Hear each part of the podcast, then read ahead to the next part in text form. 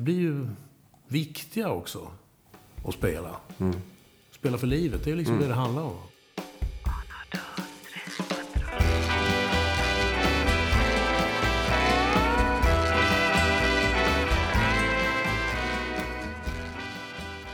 Lite stiff. Ja, okej. Ja, men vi kör sådär. Men bara så att vi får in den. Det var en okej intervju, men det var jävligt stift. Men det var bra ljud. Det var jävligt bra ljud. Inga stories, det var ingen feeling, inga energier. Välkommen eh, Mats Persson. Tack.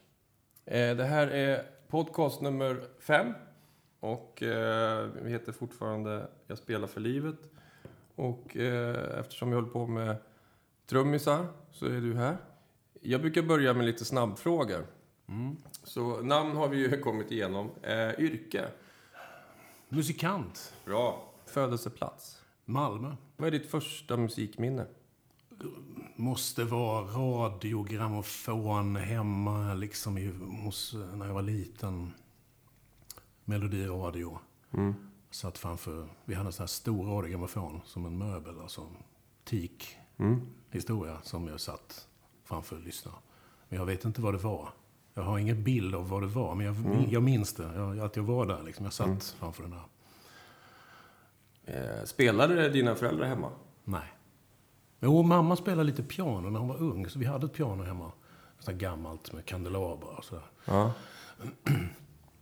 Eh, Så att hon hade spelat när hon var ung, men hon spelade väldigt lite när jag var, när jag var barn. Så att säga. Utan det stod mest där, som en möbel faktiskt. När bestämde du dig för att du eh, skulle bli eh, musiker då? Jag vet inte om jag någonsin bestämde mig för det. Jag bara blev det, tror jag. Ja, okej. Det, det var liksom, jag höll liksom på. Eh, Och sen plötsligt så var jag det. Det fanns aldrig någon, jag hade liksom ingen sån här yrkesval sådär, utan jag, jag började spela när jag var jätteliten och sen fortsatte jag och sen så plötsligt så fick jag betalt och sen fortsatte det. Så jag har ju aldrig bestämt mig tror jag, Nej. faktiskt. Så du vet fortfarande inte vad du ska göra när du är Nej, stor? nej, nej, nej, absolut inte. Så, nej. Men för att... Eh, kan du berätta lite grann hur det började liksom? Mm, jo men jag... Ditt första gig, kommer du ihåg det? Nej, det gör jag nog inte. Det gör jag inte. Men jag, bör, alltså jag var ju väldigt liten. För jag, jag började på, så här, när jag var nio år. Då hade jag hållit på och så knattrat på, slått på liksom saker med pinnar hemma och så här, trummat på grejer. Framför radiogrammofonen och leksaksbilar och sådär. Och då tyckte mina föräldrar att jag skulle de var schyssta. Även om de inte var intresserade av musik på det sättet så, så fattade de att jag hade någonting som de ville liksom, ta, ta tag i. Eller De, de ville ta tag i det jag, de såg hos mig. Och då ringde de en trumlärare eh, som heter Anders Lagerlöf, som är en legendarisk i Malmö. Han var med i såna 60-talsband. Jag kommer inte ihåg om det var Gongs eller något sånt här. Nej, jag, jag glömde vilket band han var med. Och frågade, kan du ta hand om vår son här och lära honom? Och då hade inte han tid. Och då tipsade han om en kille som heter Peter Winberg, som sen blev min lärare på kommunala musikskolan. Så när jag var nio år började jag hos Peter. Sen gick jag hos honom hela, hela tiden tills jag inte fick gå kvar på kommunala musikskolan längre. Fick du börja med fullt liksom, trumset? eller? Nej, jag fick börja med sån här övningsplatta. Satt man i fem Ja. killar i ett rum typ, och så i en källarlokal. Knacka liksom paradidlar och två slags virvlar Just det. en gång i veckan. Så det var inte sådär jättesexigt. Men, uh, Och sen blev det vir- en virveltrumma? ja, sen fick man en virveltrumma och sen så fick man väl så småningom så hamnade man ju liksom på ett riktigt trumset. Uh, men det tog rätt lång tid. Jag minns inte hur lång tid det tog, men det, det var mycket tid innan man fick... Ja, Ja, jag gick var också på trummor. Jag tyckte det, det kom aldrig till dit. Man ville ju vara John Nej, nej. Bonham första dagen. Ja, ja, visst. Så att jag sket jag slutade tyvärr. Eh, men jag kom bara till virveltrumma liksom. Mm. Och, men du höll i. Jag höll i. Och jag, jag tror det är därför som, som att man liksom... Om man klarar sig igenom det där stålbadet som det liksom var. Då, då har man ju kommit långt. Nu är det mycket... Nu är det direkt pang rakt in liksom. Och det är digitaltrummor och det är trumset och allting som musikskolorna. Men på den tiden var det lite hårdare. Och där, genom kommunala musikskolan så hamnade jag i deras blåsorkester, deras lilla symfoniorkester, deras lilla slagverksensemble och ett storband. Alltså det var hur mycket som helst som de hade då i, i Malmö. Så att jag fick spela, när jag var jätteliten så satt jag och spelade de här grejerna Ja. varje vecka. Liksom. Så det var ju fantastiskt. Eh, ja. Och eh, när blev det kommersiellt? Eller när hoppade du med något band eller efter det? Ja, så- ja, så var det väl en massa band. Jag tror det eh, kan ha varit de första bandet som jag fick liksom gigga med. Det kan ha varit ett, ett dansband som heter Lumax. Mm. Ja, det måste ha varit så här, kan jag ha varit 14 kanske? Något fem, nej 14. 3, Kommer du 14. ihåg några låtar ni Ja, spelade? vi spelade sån här Dancing Queen och liksom sånt. Det Ja. måste, Om den hade kommit, det måste den ha gjort. Och då gjorde vi såna dansbands, dansgig. Det var en kille som spelade orgel och så var det en gitarrist. Och så var det jag. Och då var jag som sagt väldigt liten, men jag... jag ehm, och då, då gjorde vi lite gig. Då åkte ni på trio? Ja. Så fester och sånt där. Ja. Det var inga problem för dina föräldrar att du satt och spelade för massa Nej, nej. fyllon? Nej, nej, nej. Det är fortfarande ett mysterium hur de bara kunde hacka i sig allt det här. De liksom bjöd på allting. Körde mig med mina trummor och liksom ställde upp så här 100% hela tiden. Det är jättehäftigt faktiskt. Och sen gick jag ju liksom... Det var ju, kommunala musikskolan på den tiden, det är ju säkert samma nu, men det var ju otroligt mycket kontakter man fick hela tiden. Så vi satte ihop, när jag var jävligt ung, så satte jag ihop, satte vi ihop olika band med, med de som fanns, som gick med så här jazzgruppen och... Så jag spelade med en massa av dem som sen blev liksom big. Big. Anders Bergkrans, eh, trum- trumpetare, eh, hade vi ett band med. Och, Vad, vad var det för slags musik? ja, det var jazz. Liksom. Det var jazz, Det ja. var lite senare, jag kommer inte exakt ihåg hur gamla vi var då, men vi var ju unga i alla fall. Så det var, ja, det var väldigt mycket, mycket blandade grejer faktiskt. Vad lyssnade du på när du var liten? Vad kollade du in? Först var det de plattorna som fanns hemma och det var inte speciellt mycket. Det var så här Demis Rossos hade vi en platta med. Ja. Det var min mamma som köpte LP-skivor. Vi hade en platta med John Denver. Eh, vi hade en Beatles, en coverplatta. Det fattade jag långt senare. Men det var liksom Beatles-låtar spelade av någon sorts kör med någon sorts kompgrupp som lät hemskt. Så min, min bild av Beatles, det är den här plattan från början. Tidigt 70-tal. Eh, så- var så- många så som riktiga Be- Beatles. Ja, precis. Riktiga Beatles, de hade jag liksom aldrig hört. Nej. Men sen var det mycket, jag hade mycket kompisar, så, men alltså, så, man lyssnade jättemycket på så här Sparks var en av mina stora idoler. Runt när de var som störst i Sverige, 74, 75 någonting. Då var jag så här 13. Eh, Kiss och allt det här liksom. Ja. var ju jätte... När jag var liten alltså. Ja. Nazareth, Rush, Queen, första Queen-plattorna. Visst är han bra trummis? Han är Queen-trum. Queen-trummisen, han Ja. är kanon. Jättebra. Han, är, han, han var, lyssnar man ju på, på så här, med stora öron Ja. på den tiden. Sen hamnade jag i en sån här fusion-gäng. Alltså, så Mm. Jag gick hela... Rätt så snabbt dammade jag igenom liksom alla musikstilar. Jag Mm. började lyssna på... eh, ehm, Yes var väldigt stora för mig. Mm. Och Genesis och allt det där. Sen hade jag... Sen hade jag när jag gick i högstadiet så hade jag Dan Hylander som musiklärare. Oj. Så jag har känt Dan alltså då sen när jag gick i sjuan, kanske åttan. Eh, och då tog han med, men det är ett minne, faktiskt bra minne. Han tog med s- s- Mothers of Invention, Roxy and Elsewhere, tog han med på lektion och spelade upp för oss. Och ingen fattade väl någonting av det. Men jag gick ju igång direkt, så jag fattade ju, shit, det här är, det här är grejen liksom. Så då blev jag sån fanatisk Zappa-fan under en lång period. där. Dan spelade jag med sen, många år Ja, senare. du så- var ju med i hans band? Ja, ja, sen ringde han och ville ha med mig i sitt band, så vilket är jättekul.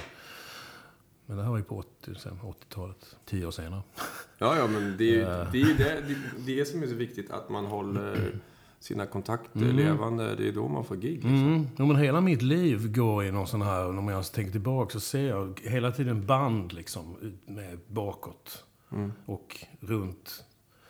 Jag menar, jag klippte ju ut liksom när Hoola Bandoola band splittrades 1976 då så satt jag i min klippbok som jag hade hemma med så här musikklipp.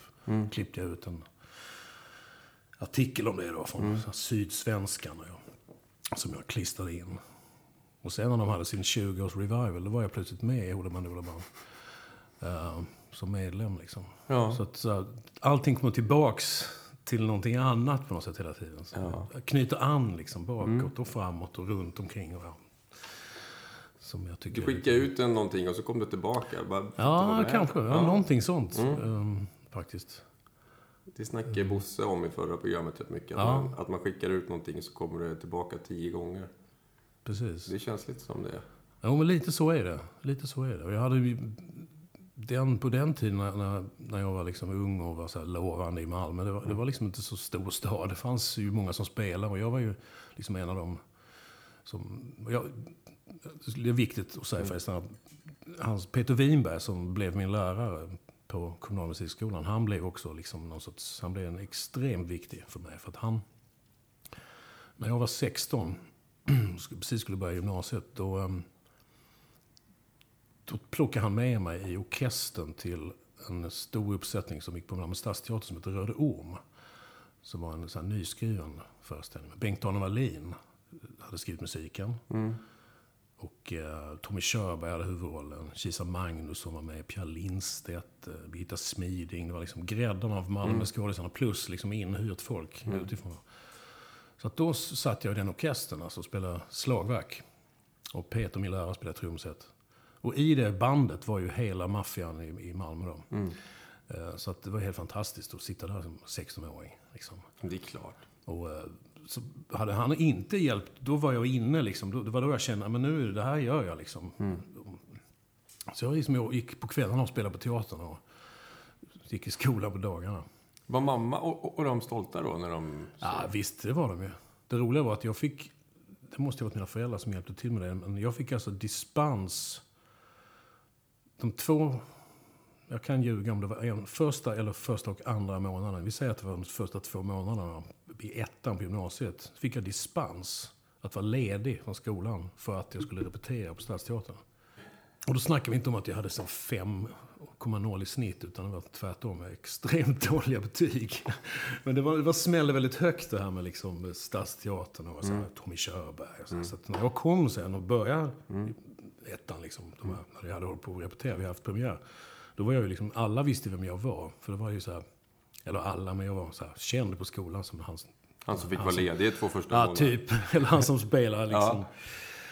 Och det fallerade ju snabbt eftersom jag var så extremt ointresserad av skolan. Men Vad fick du för musikbetyg då? Kommer du ihåg det? det var väl förmodligen det högsta av alla mina betyg. Jag fick förmodligen femma och så hade jag väl tvåa i alla andra ämnen. Ja, Tre eller något kanske. Jag. Stryktipset sådär. Ja, det var liksom ing- ingen, inget högt läge där. Nej, men eh, du satsade på det du tyckte om. Ja, Vilken var den första skivan som du köpte för egna pengar? det var... ehm, jag brukar säga att det var Pugg och Rainrock ett steg till. Live-plattan. Med Ola Magnell. Pugg. Janne Lukas Persson. Dubbel-LP. Det är den och kör påta-låten Mm. Ja. Jag tror det var den. Det kan också vara Sparks, Kimono My House. Det är lite... Jag har tänkt, det här har jag tänkt på förr. Liksom. Det är ingen som har frågat så här, men jag har liksom tänkt på vad det egentligen var. Men jag tror det var Pugg. Faktiskt. Och den har jag liksom kvar naturligtvis. Det är ju en mytisk skiva i. Mm. Sen har jag spelat med både Pugg och Ola Magnell naturligtvis efter det, vilket är ju ä- ännu roligare. Det verkar som att alla skivor du har hemma, de har du lirat med sen. Ja, många, många faktiskt. Vilket är extremt kul. Alltså det är ju det roligaste av allt, att man kan... Att man har en historia bakåt med folk. Det är inte alltid de vet det, men Nej. det är alltså... Första gig jag såg förresten, så kom jag på nu, det var ju faktiskt Björn Skifs. I Mora Folkets Park. Björn Skifs och Blå Blues. Jag var på, vi var på um, semester med familjen, så här, eh, bilsemester. Och så befann vi oss i Mora. Och just den kvällen vi är där, då spelar Skifs och Blå Blues i Fox Park. Mora Fox Park. Och vi går dit av den anledningen. Och det, kan, det måste ju varit 74, vad var jag, 12 kanske. Och det var helt fantastiskt. Det, det hade jag glömt. Jag bort innan när du frågade. Det, var, det nog måste vara det första riktiga så här, wow. De hade så här blågula kostymer eller glitter. Jag minns inte exakt hur de såg ut, men det var helt fantastiskt. Och det var live och de... Det var live och det var på riktigt liksom. Och de stod eh, och, Han kan ju sjunga. och han kan ju sjunga. Gud ja. Oj, oj. Jag har berättat det för honom sen också. Eh, För du lirar med han på TV såg jag. Ja, men jag har spelat med honom flera gånger. På en platta har jag varit med och sen var han med när vi gjorde Tack för musiken. Eh, program som jag är med i. Mm. Och eh, vi har ja, andra tillfällen också. Vi har aldrig just turnerat med honom och sådär. Men jag, Nej. Han är ju en av de bästa sångarna någonsin i Sverige. Ja, ja, utan tvekan. I alla fall på super- manliga sidan. Ja, gud ja. För du hade någon story där när ni skulle repa Hooked on a feeling. Eh, så körde han... Kan du inte berätta? Ja, ja, ja. Jo, men det var nog tack för musiken. När vi repade så uh, spelade vi naturligtvis Hooked on a feeling. Och det är ju en sån här barndomslåt. Mm. Och då hade jag spelat med honom innan, men aldrig den låten då. Men då körde vi...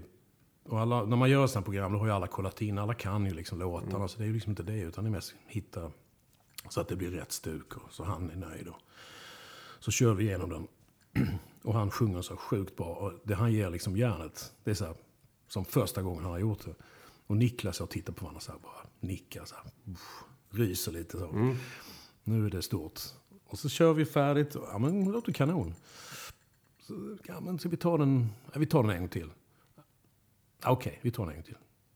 Sjunger han likadant. Precis lika bra. Lika, samma inlevelse, samma liksom närvaro. Och det tycker jag är helt sjukt. Alltså, att, Ja, att han har... 40 år. Ah, x antal hundra gånger, eller tusen gånger har han sjungit den. Den inlevelsen. och Han var så närvaro, så var helt fantastisk. Helt grym. För när ni körde den här låten som han har skrivit texten till, Håll mitt hjärta. Ja, den gjorde vi också. Det var ju också magiskt. Ja, det var faktiskt magiskt. Det är det bästa jag nästan har sett på svensk TV. Oj, alltså. oj, oj. Nej men alltså du vet så här. Ja, men det, jag håller med. Det var grymt. Helt grymt. Han är ju han är, fantastisk. Och det, det är någon sån grej som man är... Ja, men det är någonting som jag har upplevt rätt så många gånger. Eh, känslan av att höra den här rösten som man är uppväxt med. Mm. I ett par lurar i en studio eller på en scen liksom. Och bara ta in det. Och det är fortfarande, jag tycker fortfarande lika häftigt. Det är lika stort när man är medveten om vad man är med om. Liksom. Ja men för Här får jag vara med och wow. Du har ju spelat med liksom alla Ja, men här sitter jag och lirar och så står Lill Lindfors framför mig och, och kollar och, liksom och bara diggar. Och shit, det, alltså det är tungt. Ja, jag, tycker, ja. jag tycker det. Jag blir aldrig, jag blir aldrig liksom nöjd, eller nöjd, vad heter det? Jag blir aldrig, eh, Mätt. bl, mätt. jag blir aldrig blasé av, av det. Aldrig, det går inte. Det går inte, för det är för, det är för häftigt tycker jag. Hur känns det första gången till exempel, du spelat med Roxette? Ja. Första gigget med dem, liksom, hur var det gigget? Vart var det? Kommer du ihåg det? Det, det låter ju jättekonstigt att jag inte minns, men det minns jag faktiskt inte. För jag, där, där smögs jag in rätt långsamt liksom, i det gänget. Jag, det var ju liksom kompisar väldigt tidigt. Jag, jag spelade på den allra första Roxette-plattan, spelade jag percussion på. Pearls of Passion heter den va? Det måste ju ha varit 86 kanske. Och då hade jag precis kommit till Stockholm och börjat jobba med ett gäng. Klaas Överman bland annat som producerade allting. Och sen så var jag liksom med i gänget, fast jag spelade inte med dem förrän tidigt 90-tal någon gång. Då, då, hamnade jag väl, jag, var kanske, jag tror jag var med på någon sån här playback-gig och lite sånt. Jag minns inte riktigt. Och sen frågade de om jag ville vara med. Så att de första gig med dem var förmodligen playback, något sånt. Men första riktiga gigget då när du? Ja, det, det minns jag inte vilket det var, men det var, det var ju... Vi gjorde den här turnén... Jag kom ju med då 94. Då gjorde vi ju en världsturné som heter Crash Boom Bang. Mm. gjort en platta. Hur många stopp var det? Strax under 100 tror jag. Och i hela världen? Här i hela världen, ja.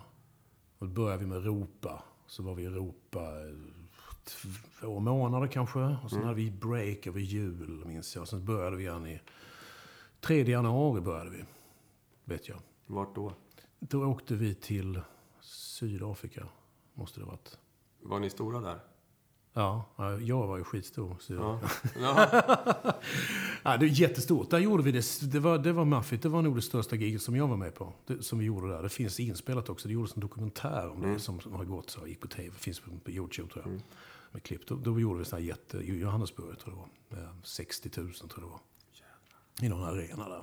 Alla de gigen var ju liksom den nivån. Fast det här var då extra många. eh, Eh, I publiken så att säga. Men eh, så det var ju bara arenor, alltså gigantiska hur känns det att höra sin liksom, baskagge flyga ut i en stadion så här, för 60 000 Ja, personer? det gör man ju aldrig.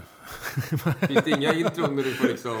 eh, Ja, men då, med, med Roxette var det så att då spelade jag ju både trummor och percussion. För Pelle Alsing är ju trummis där, eller var, eller är en fortfarande, och var då och har varit av och till hela tiden i princip. Han är ju den som, sen har det varit lite ut och in, kanske någon inspelning. Och jag var med och gjorde, spelade trummor på någon, någon låt. Du vet, så här, det var olika. Men, men han är ju liksom den som har varit med. Så den, den turnén, då hade vi liksom två trumset på scen. Så att vissa låtar så spelar vi dubbelkit, liksom. alltså live-kit. Och så vissa låtar så hade jag också lite så digital grej och gjorde. Och spelade van- vanlig percussion. Så sjöng jag mycket också. Jag körade väldigt mycket. För det var inte så många som sjöng också ett bandet då. Det var liksom inga kör med, utan jag, jag sjöng väldigt mycket av de här stämmorna med Marie, en massa överstämmor. Här, Sleeping in my car. Ja. Sådär. Ja, precis. Så Alla, ja. Den lirar jag trummor på för övrigt, på, på plattan. Det är, det är den enda inspelningen som jag har gjort med dem, där jag spelar trumset. Faktiskt. Annars har jag bara spelat in lite percussion. Cowbell, kör du mycket? Cowbell var väldigt mycket, sjukt mycket cowbell. Men det känns så. In my... Det måste ja, vara... ja, fast då lirar jag ju trumset. Ja, precis. Ja. Ja, jag minns inte vad jag gjorde. Men det var mycket skram, mycket tamburiner och mycket cowbell och mycket jättestora marker.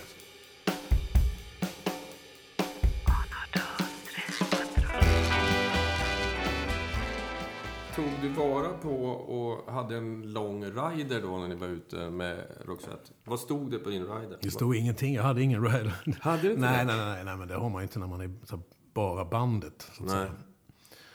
Det fanns ju bara grejer som fanns automatiskt. Mm. Så vi hade ju inga krav sådär. Eller det har man ju inte när man är bara är komp, komphund, som jag brukar.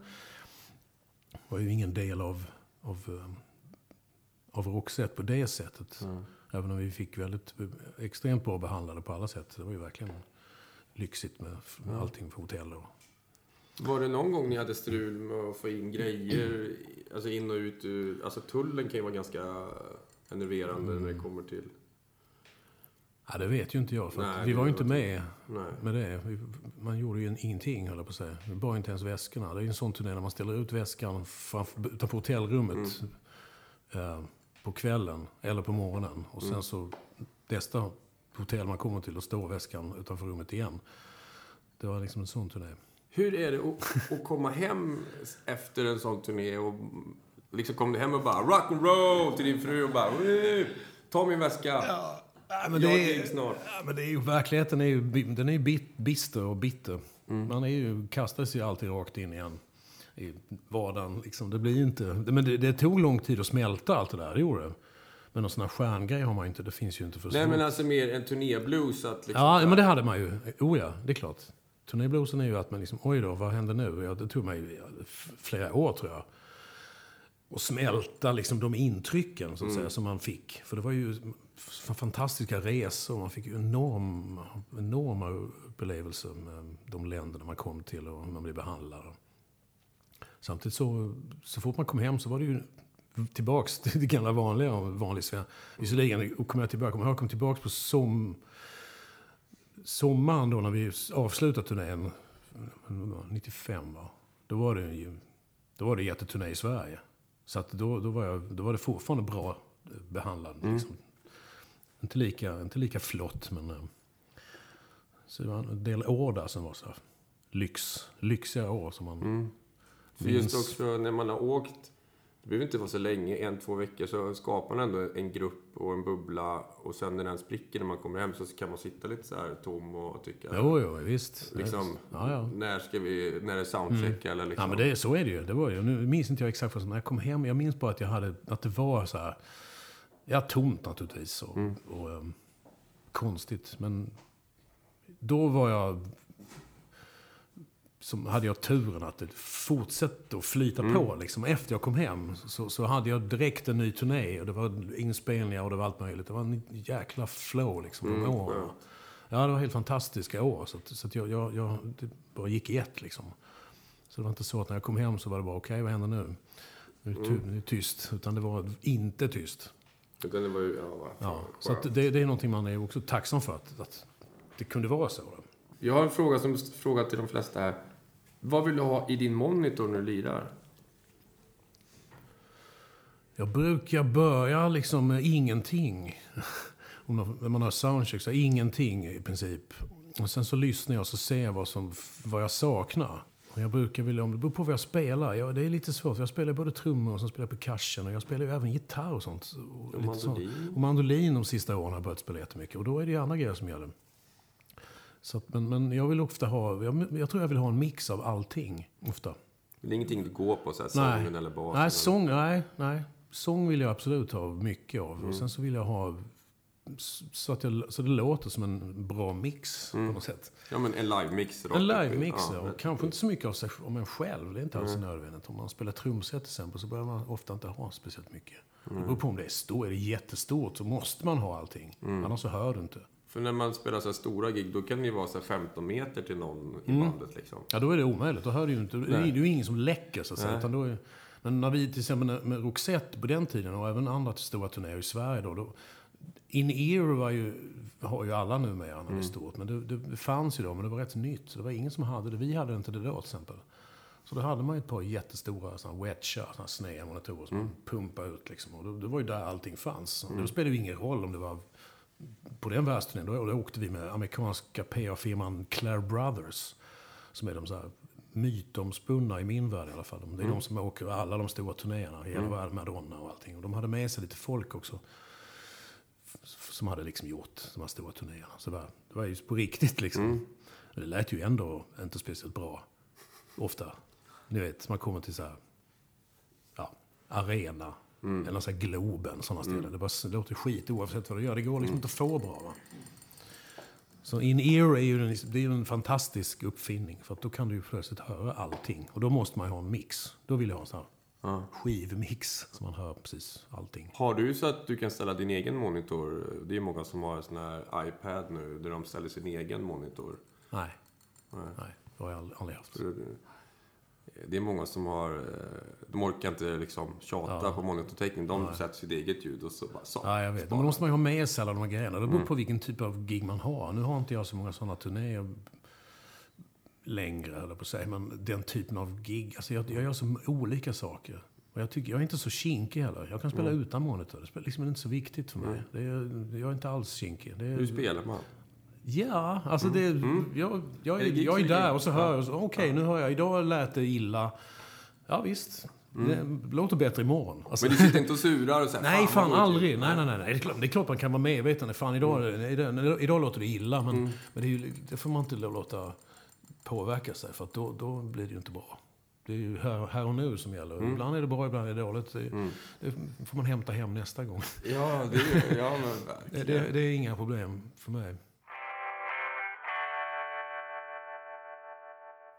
Men eh, jag tänkte, om vi skulle prata om lite inspiration. Du har pratat om din gamla trumlärare och sådär. Eh, men finns det andra band och platser och länder som du har liksom tagit in, som har inspirerat dig under de här åren? Nya musikstilar som du har sprungit på? Men jag, jag, jag har ju liksom alltid um, lyssnat på mycket på musik. Mm. Hela tiden faktiskt. Jag är en sån som lyssnar ständigt eh, på någonting. Vinyl, CD, dator, Spotify. Spelar liksom ingen roll. Jag lyssnar ständigt. Det är aldrig tyst. Och jag försöker liksom att kolla in nya grejer hela tiden. Det är svårt naturligtvis. Det händer, händer ju mycket. Det kommer hela tiden grejer. Men jag, jag, jag, gillar, att, jag gillar att lyssna på musik. Och det eh, spelar egentligen ingen roll Ja, det låter dumt när jag säger att det spelar ingen roll vad det är, för det gör det. Men jag, jag, jag, jag gillar liksom bra musik, kan vi säga. Ja, man gör ju Och det. jag, och jag, jag hittar det, tycker jag hittar precis vad som helst. Det spelar ingen roll. Jag, förs- jag försöker nog också hitta någonting bra i allting. Kan du det? Ja, jag kan nog det. Jag tror, jag, jag tror faktiskt jag är skitbra på det. Det är fantastiskt att höra. För Ja, jag, jag kan ha svårt att förstå eh, så här, hård metal till exempel. Kan du Ja. se det vackra i det? Jag kan ju förstå att de är duktiga och sådär. ja det kan man förstå. Ja, men jag, har- jag har undervisat lite grann ibland också. va. Och då hade jag en period när jag, jag hade lite elever som tog med sig platt och så här. Lyssna på det här, kan du, hur gör de här? Och så här. Det var en band som heter Avenge Sevenfold. Som är sån här speed. Jag vet inte riktigt vad det kallas för det är jag inte bra på. Men det är så här metall, jäkligt snabbt och väldigt så här ekvilibristiskt. Och bra tyckte jag. Jag hade aldrig lyssnat på dem om inte de hade plockat med i de här låtarna. Eh, Så kan jag inte säga att jag sitter hemma och diggar sen. Men jag lyssnar på det. Jag försöker ta in, okej det, här är, det här är bra. Det här är bra för vad det här, för vad det är. Ja, jag försöker hitta någonting bra i det jag gör också. För att det, det är ofta så man hamnar i situationer om man ska spela musik som man kanske aldrig hade lyssnat på själv i ett sammanhang. Spela in någonting eller göra ett gig med någonting. Men, men man kan inte dissa någonting, som- någonting som någon annan har gjort. Eftersom på något sätt alla lägger ju ner sin energi och sin själ och hjärta i olika saker. Och vem är jag att komma och dissa det? För plötsligt sitter jag där själv och ska kanske spela den här musiken. Det har hänt en massa gånger. Liksom. Så här, oh, vilken, det här var ingen bra låt. Så tar en vecka så ringer den här artisten. Eller vad Ja. det kan vara.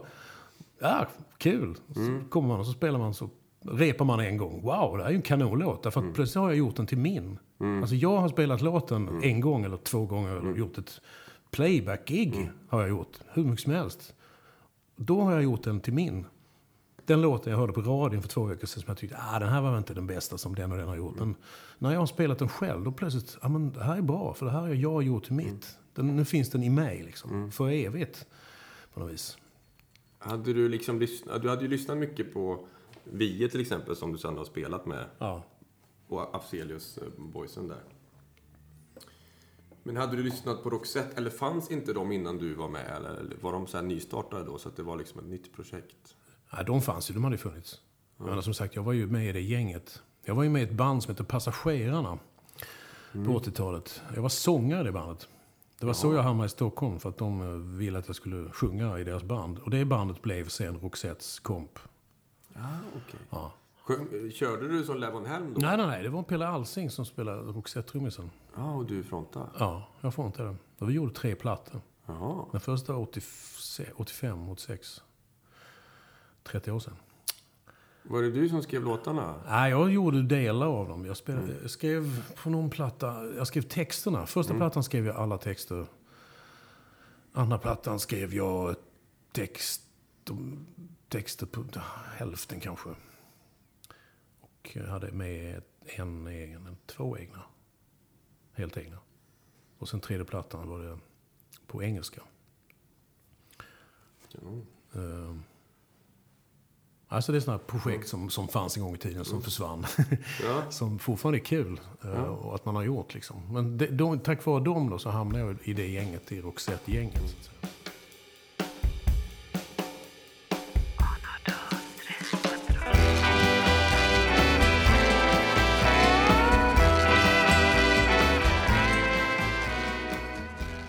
Det känns som att du har varit med i hundratals projekt. Alltså det är så här Östen Warnerbring och det är liksom... Jo, jag har varit med i hundratals projekt. vissa har ju bara varit ett gig och, Ja. eller en månad och vissa Ja. har ju varit i åratal. Ja. Ja. men absolut. Jo, men det är Hur, sjukt hur sjukt många- hamnade du med Östen Warnerbring då? Hade du tänkt på han och så ringde han? Jag tänkte på...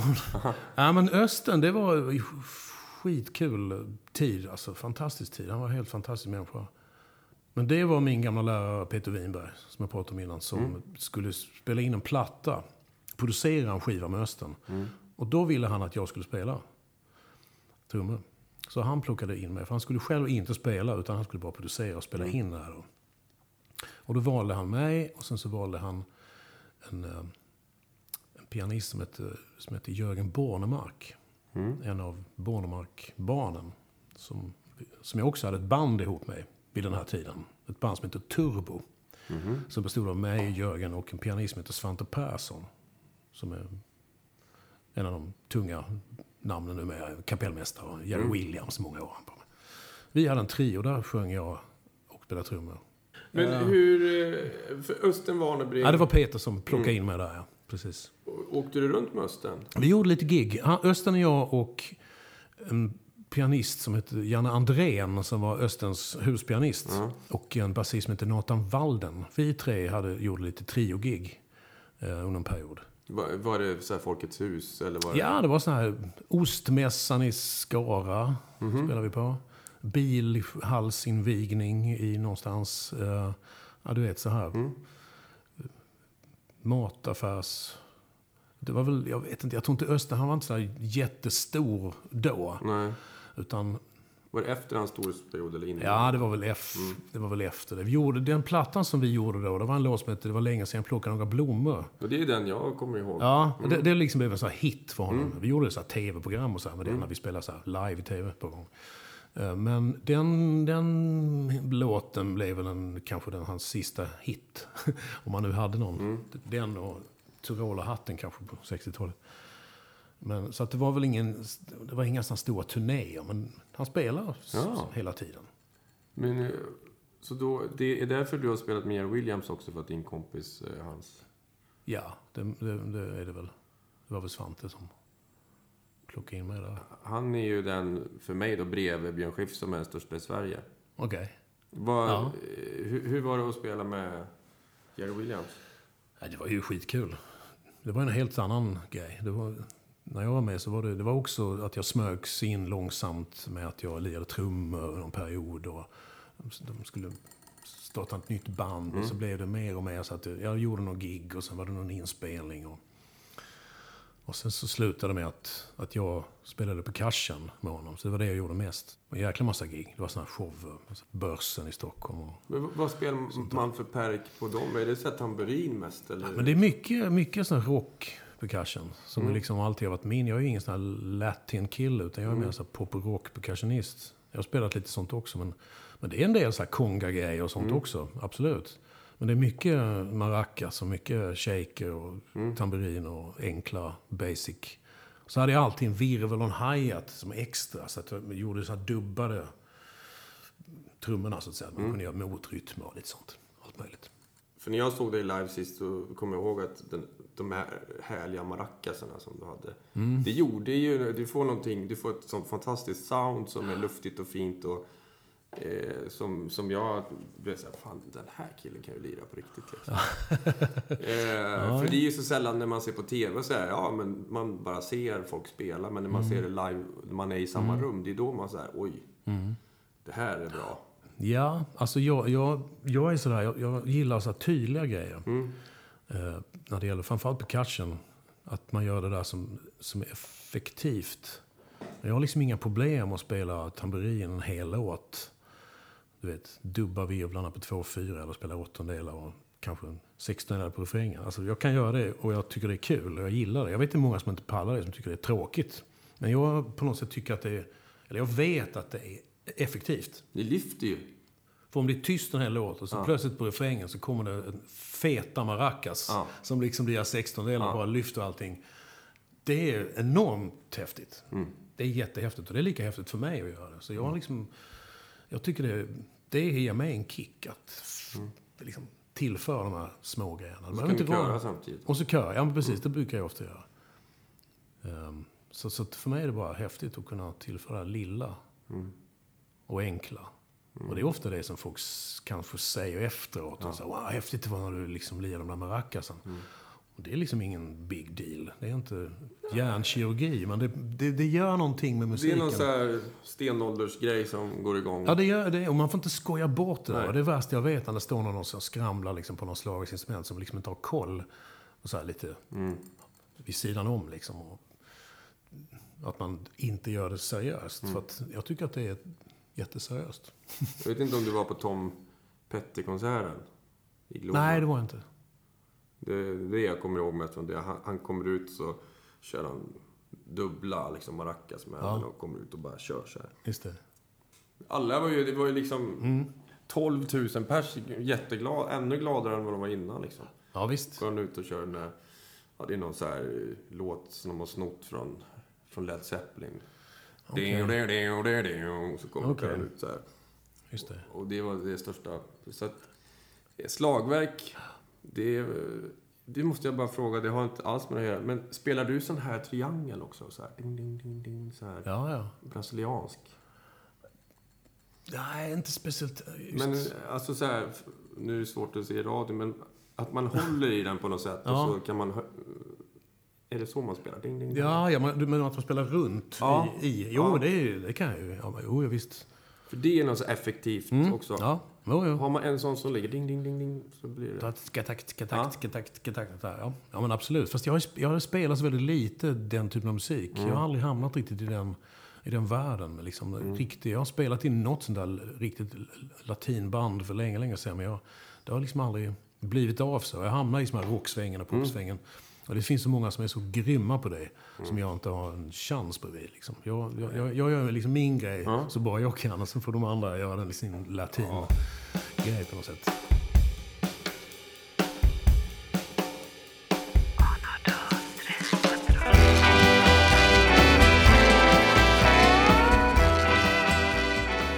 Men, eh, så du är en ja-person oftast. Du vill så här, om folk frågar, fan kan inte du vara med där? För att Jag är, du är med i ett litet, litet projekt som heter Yonder som jag... Ja, Som inte är jättekommersiellt men fantastiskt bra. ja, ja, vad kul. Jag är med i jättemycket sådana små projekt. Och Pedro av Ugglas eh, också. Den videon. Ja, den där ja. ja men Den är fantastisk. Den är inspelad av en, en kompis med som heter Nikolaj Alsterdal. Den är fantastiskt fint gjord. Alltså, det är en jättefin idé. Och. Men den är ju det är ju länge sedan. Det är skitlänge sedan. Pedro av Ugglas skrev låtar och så kompade ni honom. Var det så? Och så spelade ni in hemma i hans villa. Fyllde den med rök. Ja, precis. Och så hade- det är så musikaliskt och fint. Ni är bara tre stycken va? Det Ja. är Peder och du och någon som spelar klaviatur. Det är um, Henke Widén. Henke Widén. Han, det- spelar- det är han, han spelar också med Diamond Dogs faktiskt. Um, Ja, ja, ja. Jag har inte träffat honom på flera år faktiskt. Vi spelar mycket ihop ett par perioder med, Peder och jag Mm. och Henke. Men eh, det håller jag med Hasse om att det, det är nog en av mina favoriter. Det var så här, man blev helt knäckt när man såg dem där. Sen är, vi har ju spelat med Peder några gånger och det är ju alltid sådär, det flyter så fint och hans fina melodier. Och vi har också något klipp där vi har spelat in med honom. Och det behöver inte vara så mycket mer. Nej, precis. Det, är- det, det är ju så. Och den, på den här inspelningen, då spelade jag ju... Då hade jag precis börjat spela mandolin. Jag kan inte ha spelat länge alltså. Jag spelade mandolin... Jag var satt hemma hos Peder och vi höll på att spela in lite grejer han jag. satt och skrev och försökte göra någon sorts låtar, vilket vi gjorde också. Då hade han en mandolin på väggen som var stämd på något konstigt sätt. För hans gitarr är stämda på olika sätt. Så jag plocka upp den här och bara började spela och tyckte shit, det här är fantastiskt. Mandolin, det är ju grejen liksom. Stäm på något konstigt sätt, så jag vet fortfarande inte hur det var. Men jag hittade på någon låt där, skrev någonting ihop på den här mandolinen. Och sen gick jag och köpte mandolin och började öva. Och lärde mig stämma eller någonting. och sen dess har jag försökt spela mandolin hela tiden, i alla möjliga sammanhang. Jag tycker det är så otroligt kul. Samtidigt som du spelar trummor då? Ja, men så spelar jag med fötterna.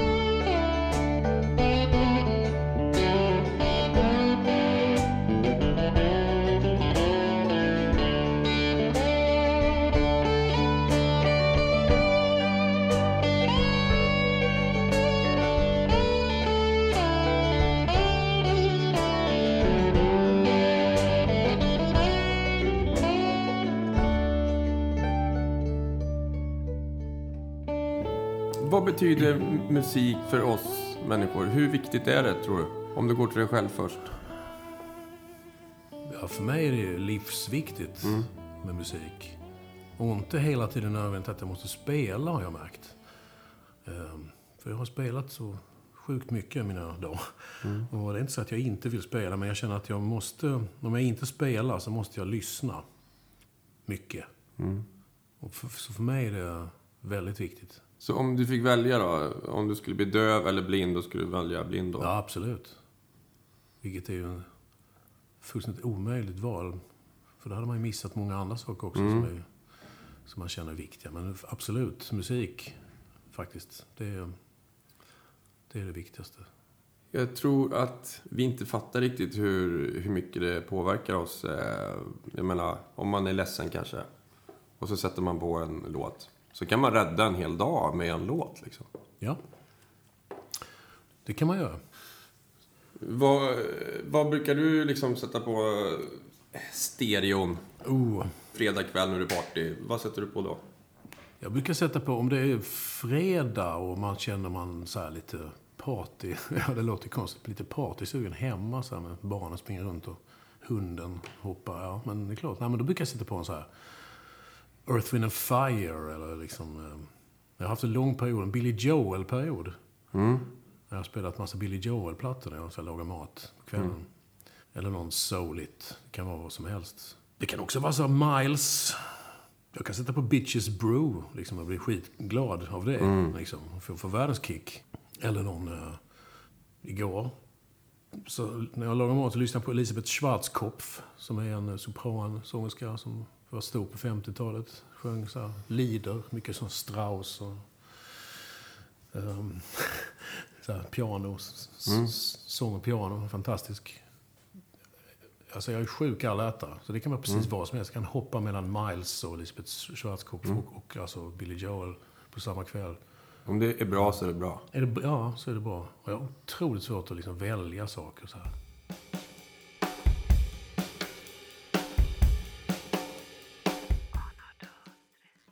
Hur ofta händer det att du hör dig själv på radion spela? Det måste ju vara rätt ofta. Nej, det vet nej. Jag lyssnar inte på sån radio. Nej. Jag lyssnar på P2. Jag lyssnar klassiskt. Ja, ja. Jag lyssnar jättemycket på. Men jag lyssnar aldrig på sån radio, så jag vet inte riktigt. Har det hänt att du så här, har hört en låt och i slutet så här, fan det är ju jag som spelar här? Ja, men det har absolut hänt.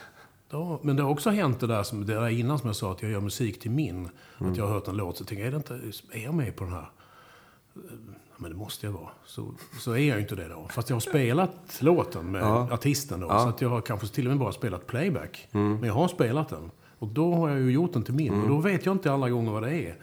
Om, hur, hur det var egentligen. Det låter som jag är med på sjukt mycket skivor. Men det, det jag är med på många skivor, men det är kanske inte så mycket som spelas på radion. Nej, för det är mest smala det, grejer också. Neil Jens, Nils Jensen. Ja, det är mycket smala grejer. Och mycket sånt som, som inte har plats i radion längre heller. Nej. Det är en del av Men jag spelar på Himlen runt hörnet till exempel. En sån låt.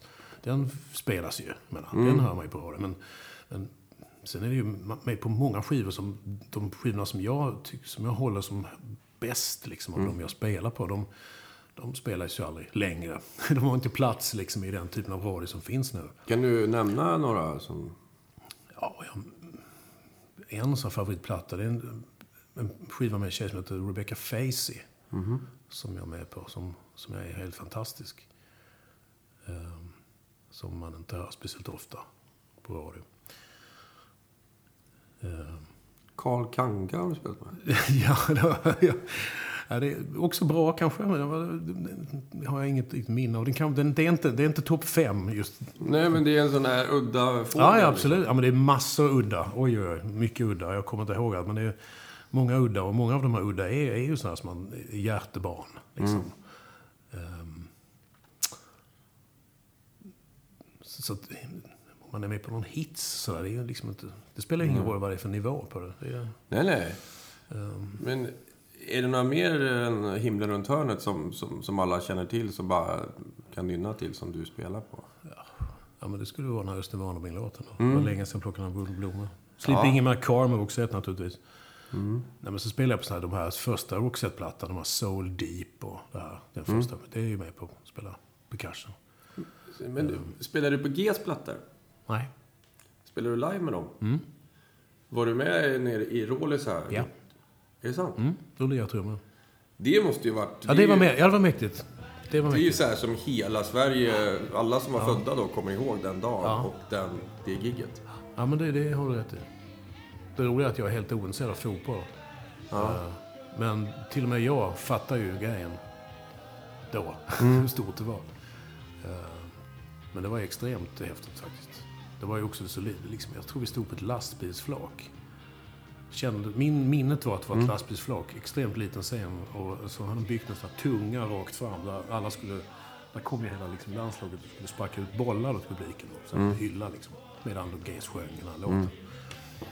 Så vi stod där på det lilla flaket. Det var sjukt tajt. Det var jättelitet. Och vi bara kom mm. dit och det stod inhyrd backline. Och vi bara satt oss ner och spelade. Det var bara pang bom liksom. Um, jag kommer ihåg att den gick alldeles för långsamt. När man är lite stasad, då mm. har man en tendens att dra upp tempot. Men då, mm. då blev det tvärtom, för att jag var rädd för att det skulle bli för, mm. för, liksom för snabbt. Då blir det istället för långsamt. Men det funkar. Men jag har hört det efteråt. Det finns någon klipp på det här man kan se. Absolut. Det låter helt okej okay, faktiskt.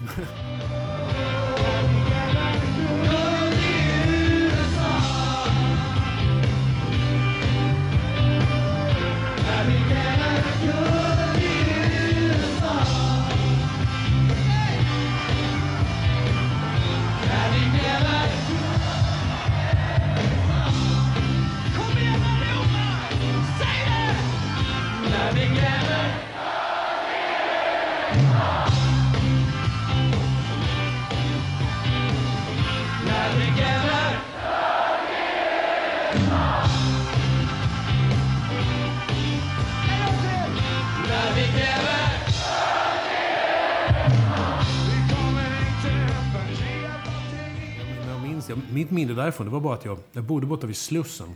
Och så skulle jag cykla dit. Så jag började cykla längs Hornsgatan, skulle cykla över Västerbron. Kommer till Västerbron, till bofästet. Och det är så mycket folk så det går liksom inte att komma fram. Så jag är tvungen att ställa cykeln och gå över Västerbron. Och då var det typ så här en kvart till vi skulle gå på.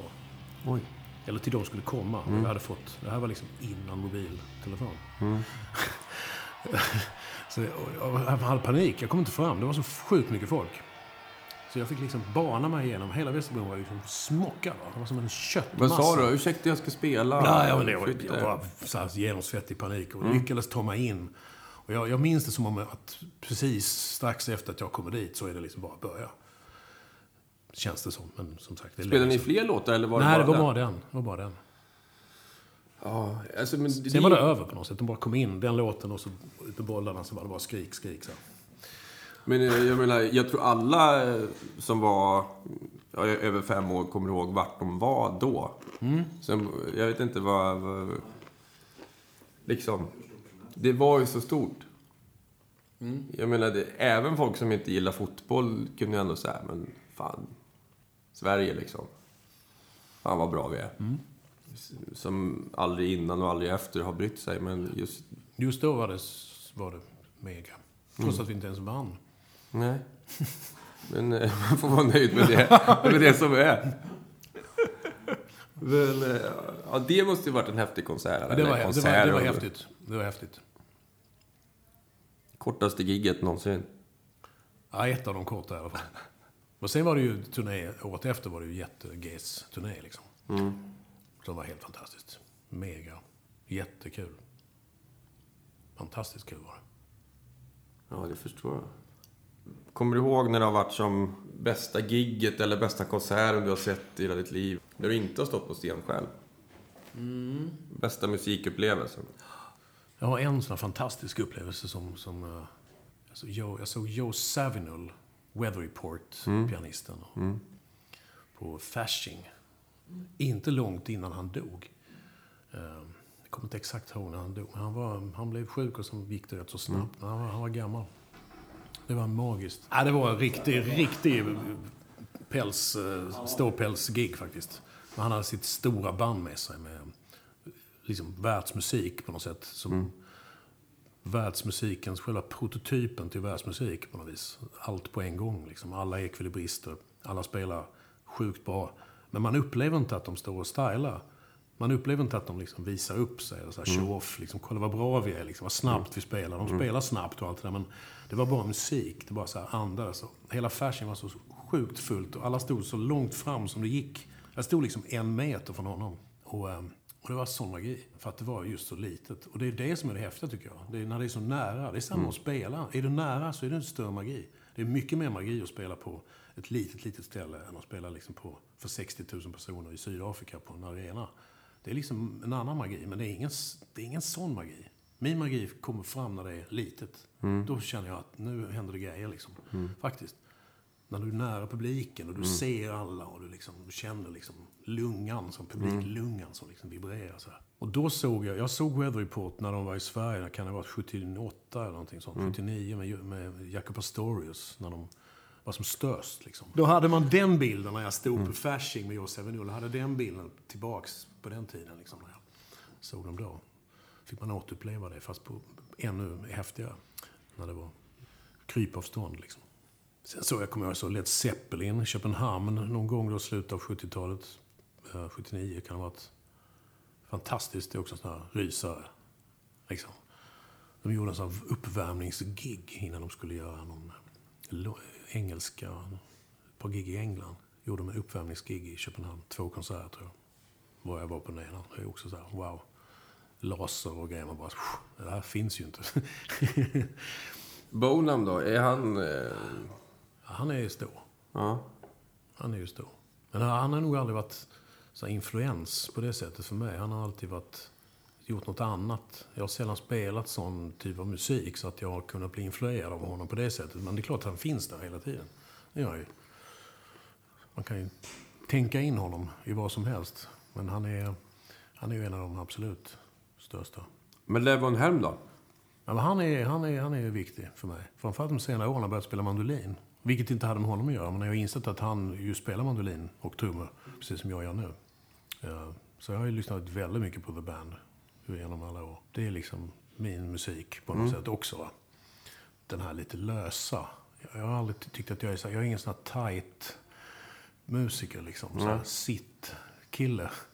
Utan det jag gillar när det är lite löst. När det händer grejer, när det rör sig. När gummibandet liksom. Så här, gummisnudden som icke stillastående. Det tycker jag om.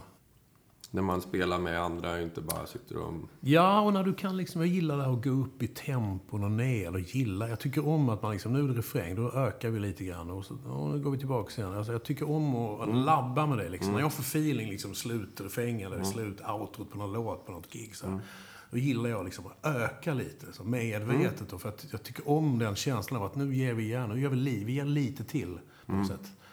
Sen kan jag hålla tempot också i bästa fall, men jag vill, jag vill inte att det ska bli för tight. Om du förstår vad jag menar med tight. Nej, nej, jag förstår. Jag förstår precis. Jag gillar också när det lever. Men då gillar inte du att spela till klick till exempel? Jo, det gör jag också. Det är inga problem. Det är inga problem. Det är, det är ibland måste man ju det för att det ska hänga ihop, för att det kräver det. Men, men, eh, men när, man- ja. när det funkar utan så tycker jag det är skönt. Tusen bitar spelar du på va? Nej, Men det var någon platta där med Afzelius och vi, eller har jag förstått det fel? Ja, jag är med på den. De gjorde en platta ihop. Tillsammans. Ja. Men det var inte Det är Mitt hjärtas fågel va? Ja, men jag är inte med på den låten. Jag är med på skivan, men jag är inte med på låten. Jag, jag spelar på en, Jag tror jag är med på en låt på den skivan. Jag kommer inte ihåg vilken. Men du har spelat med dem live också? 1996 så gjorde Ola Band Ola Band en reunion-turné som var en 20-årsjubileumsturné. Eh, från dem, när de slutade. De gjorde sitt sista gig 76 och sen 96 så bestämde de sig för att göra en turné till. För att fira det här. Och då ringde de mig och Bernt Andersson, pianisten från Göteborg. Som jag har spelat jättemycket med. Och då hade jag spelat med Mikael mycket under 80-talet. Då ville de att jag skulle vara med. Och då gjorde vi en sommarturné och vi gjorde en höstturné. Som var jättekul. Det var ju fantastiskt. Underbara. Men det känns som att den, var ganska välbesökt va? Ja, men det var, det var okej. Det var ingen, det var ingen som stor... Jag tror inte det var den stora hitten som, som det borde vara. Faktiskt. Nej. Men eh, det var enormt kul. Och var ju, de var ju så kickade. De har ju inte spelat ihop 20 år. För dem var det ju helt fantastiskt. Hur var det att repa de här låtarna? Kom de ihåg dem liksom? Ja, de repade rätt länge innan, innan det var dags för själva turnén. Och jag, jag och Bernt, vi kom in lite senare. Först, först så skulle de liksom börja från scratch och få in allting. Eh, och sen så kom vi in och, och förgyllde lite grann. Eh, och det var ju jättehäftigt att spela de här låtarna som man hade växt upp med. En del av dem hade jag spelat med Mikael innan, men, men eh, i princip spelar han ju bara eget. Han har ju skrivit så sjukt mycket låtar. Så, att, så gjorde vi en turné till 2011, tror jag det var. Utan eh, Björn. Och utan Povel Randén spelade piano. Han hade också gått bort i cancer då. Eh, så, eh, och det var också magiskt. Trots att det var utan dem, så var det fortfarande de låtarna så att säga. Ja, för Hoola Bandoola var ju... De var ju jättestora mm, när man var liten. Jo, men de, var, de var ju vem, vem kan man lita på? Det var det största progbandet. Och det bästa, brukar folk säga. Det, det, det, man läste Ja, de brukar den- säga att det fanns två band som kunde spela Nationalteatern och Hoola Bandoola. Ja, precis. Ja. Och, så, var det ju lite grann. Va? De, de, de var ju duktiga på att lira. Och, och, man kan säga mycket om den progtiden, men, men, eh, och det gjordes mycket kul grejer. Men allt var ju inte så bra kvalitet, så hög kvalitet. Nej. Men de var ju, var ju verkligen det. Och var liksom prog-erans supergrupp. Eh, Och jag, jag tycker fortfarande det är hur bra som helst. Och när man lyssnar på dem, det roliga är om man lyssnar på The Band, jag jämför dem, jag tycker att Hoola var liksom Sveriges The Band. De är precis lika bra. Och Muffe som spelar trummor i Hoola, han, är, han är en av mina favorittrummisar. Han är helt fantastisk. Och han spelar nästan inte. Det är en skandal faktiskt. Han är sjuk på. Han är nästan, han är liksom Livon Helm-klassen. Han har helt eget sväng, en helt eget timing och otroligt musikalisk och ja, jättebra. Han var jättekul att spela med. Enkel, basic. Han spelade Mm. precis kött och potatis-trummor liksom. Med ett eget sväng. Så helt grymt. Och det gäller alla i hela bandet. De var liksom, Mm. Alla hade sina egna personligheter som var häftiga. Så att spela live med dem var eh, kul också. Ja, det var nästan som att spela med The Band faktiskt. Det är stort. Ja, Det är stort. för mig var det nog ja, det. Ja, men det är fantastiskt att höra. faktiskt. För det, det kändes som att Björn t- hade lyssnat mycket på The Band och Americana och, och, och liksom country. Jo, han kom ju från den, det hållet. Så Medan Mikael är ju mycket med liksom jazz. Han har ju jazzbakgrund. Mm. Han var ju jazzmusiker på något sätt. Eller, det var han väl aldrig. Men han, var, han spelade ju sax och sådär. Han kunde 60-tal. noter och ordning Ja, och men reda. precis. Han är, ju, han är ju den som har koll. Ja, det var kul att se den där dokumentär, eller filmen om Björn Afzelius när han... Mm. När Mikael kom in som någon slags chef där och liksom... Ja, ja den här låten är bra. Nej, den här är dålig. Nu Mm. kör vi. Sådär. Jo, men sån är han ju. Han, är, han är otroligt tydlig med vad, han Mm. vill. men fantastiska. Jag, jag älskar Mikael. Ja, Mm. han, är, han är en... Han är en av de, han är en av de stora för mig. Det finns, Ja. han, är, han är uppe bland de andra namnen som man inte ens behöver nämna här. Men de själv, självklara namnen och, och, och Mikael. Mm. eh, tycker jag. Och det är, jag- det är man tacksam för att man liksom då är, som sagt, som jag sa, delaktig. Man har, haft, man har haft ett litet finger med i olika, ibland lite längre, ibland lite större. Mikael har jag känt sedan 1985. Kom jag med i hans band. Och turnerade jättemycket då under slutet av 80-talet. Med lite olika band han hade. Mm. Och, ehm, så han är viktig. Ja, vilka låtar han har gjort alltså.